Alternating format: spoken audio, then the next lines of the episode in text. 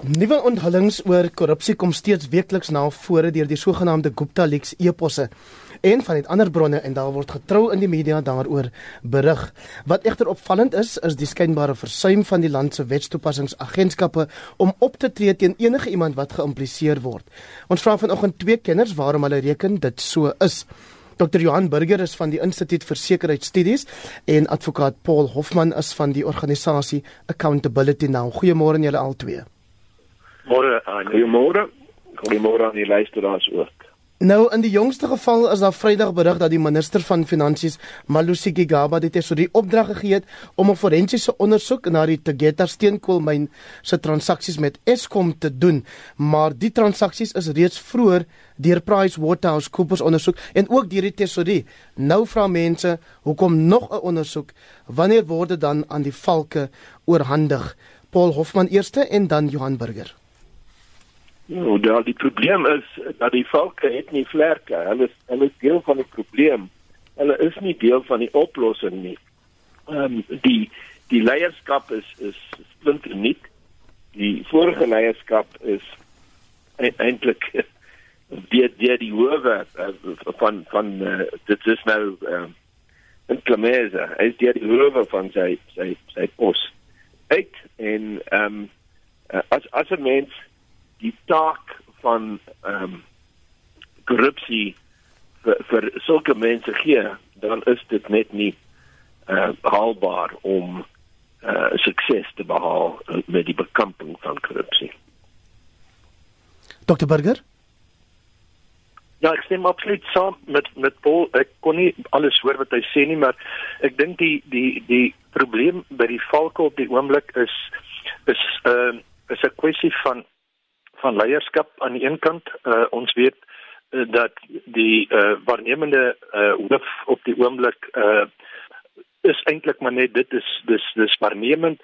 Uh, ek dink nie sy beskik oor die inherente ehm uh, kom ons sê nou maar ehm uh, ingesteldheid om op haar eie uh, die moed aan die dag te lê om so ondersoek gegee al die politiek uh en en die druk rondom hierdie kwessies om om om so ondersoek op haar eie of uit eie beweging te doen nie. En dan in die tweede plek ek ek dink die die die die vermoë by die valke is al so afgewater en uitgedun dat selfs al sou hulle besluit om so ondersoek te doen, hulle waarskynlik uh kundigheid van van elders sal moet kry om hulle met so ondersoek hulp saam te wees. Maar hierdie is nie 'n geïsoleerde geval nie, die aankope van lokomotiewe en ander kontrakte wat deur Prasa toegeken is. Is 'n saak wat ook reeds ondersoek is en die openbare beskermer het reeds in Augustus 2015 haar verslag daaroor uitgebring, maar steeds geen optrede sien ons nie. Wil jy kommentaar, ja, Liverpool? Dit dit dit is dit is wel verskoon my. Dit is wel 'n 'n gebrek aan hulpbronne in die in die uh, valke en, en as ook die gebrek om uh, leierskap toe te pas en uh, op hierdie sake te werk. Selfs die die leierskap van Prasa is nou uh, uh, krities teenoor die uh, polisie aangesien hulle niks gedoen het. En vir so lank as ons ehm um, 'n teenkorrupsie eenheid soos die Volke um, in in in posisie het, gaan ons sukkel om by die kriteria wat in die Glenister litigasie deur die uh, grondwetlike hof gestel is.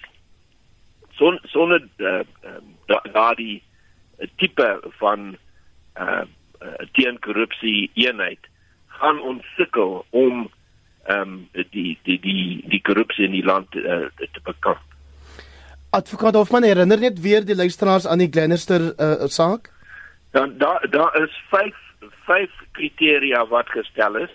Die eerste is spesialisering en dit het ons nie. Die die die valke is besig met prioriteit uh sake wat wat wel uh, korrupsie insluit, maar nie alles nie.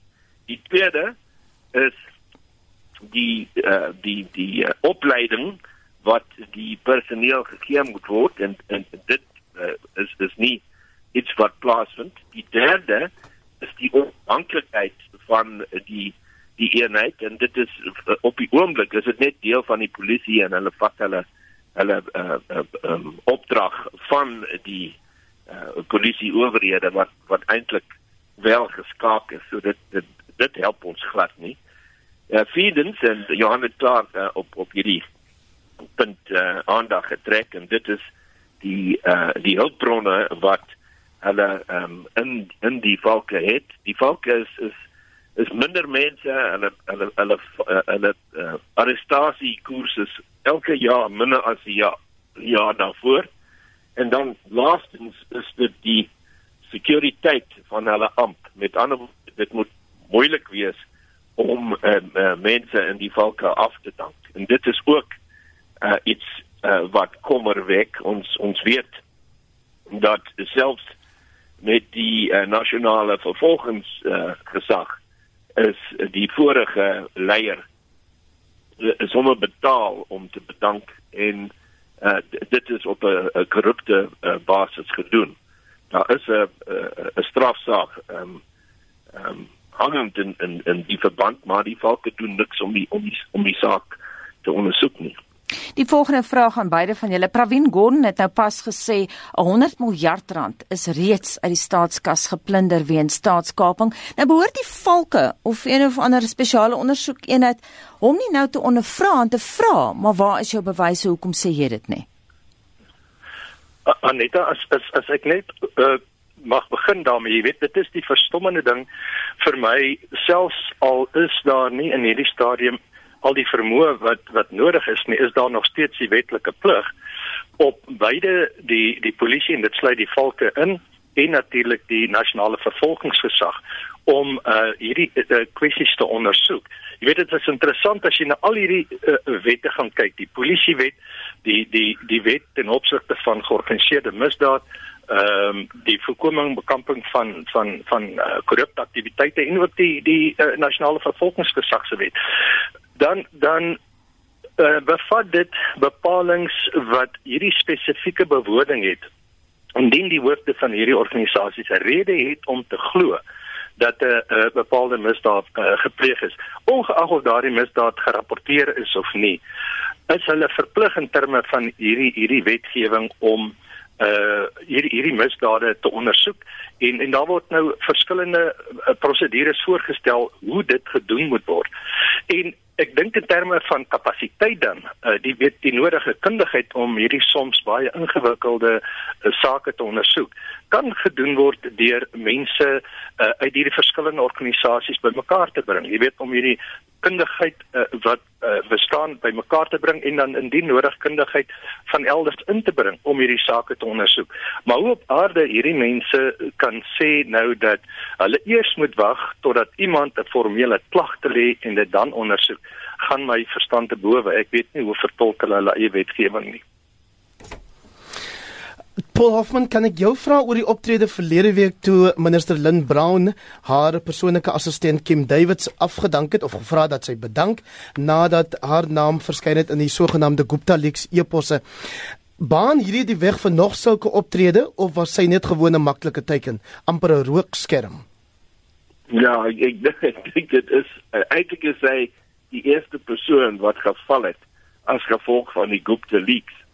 Maar as as as 'n mens daarna kyk, is is is dit eintlik net 'n simptoom van 'n baie groter probleem en die baie groter probleem is dat ons kabinet, ons president, ons leierskap en die polisie en die leierskap eh, en ek sluit daarin die volke en en die die die leierskap eh, van die nasionale vervolgingsgesag is is almal eintlik besig om hulle hulle um, leiding te vat van van van mense wat nie die uh, belange van die land uh, onder oë het nie. Hulle is hulle is besig om ehm um, so, soos wat hulle in Kenia gesê het, it's our turn to eat en uh, dit, dit is wat aan die gang is. Nie behoorlike wetstoepassing nie.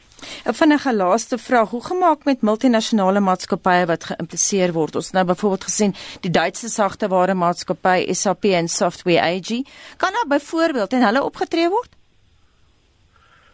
Ja, kyk, daar daar's klaar opgetree uh, teen Hitachi. Hitachi het ehm um, uh, vennootskap met die ANC oor oor die Eskom uh, uh Medupi ehm um, uh saak en uh, niks is gedoen in Suid-Afrika. Die ANC het uh, meer as 5 ehm um, miljard rand daar uitgemaak en Hitachi is in in Amerika vervolg uh, om omdat hulle op 'n onbehoorlike uh, uh, basis opgetree het in hulle kontrak in Suid-Afrika. En dit gaan die dieselfde gaan gebeur met ander oorseese instansies wat uh, besigheid doen in in die FSA. Hulle sal daar vervolg word aangesien hulle nie hierso vervolg word nie. Baie dankie advokaat Paul Hofman is van die organisasie Accountability Now en Dr. Johan Burger wat ook saamgesels het is van die Instituut vir Sekuriteitsstudies.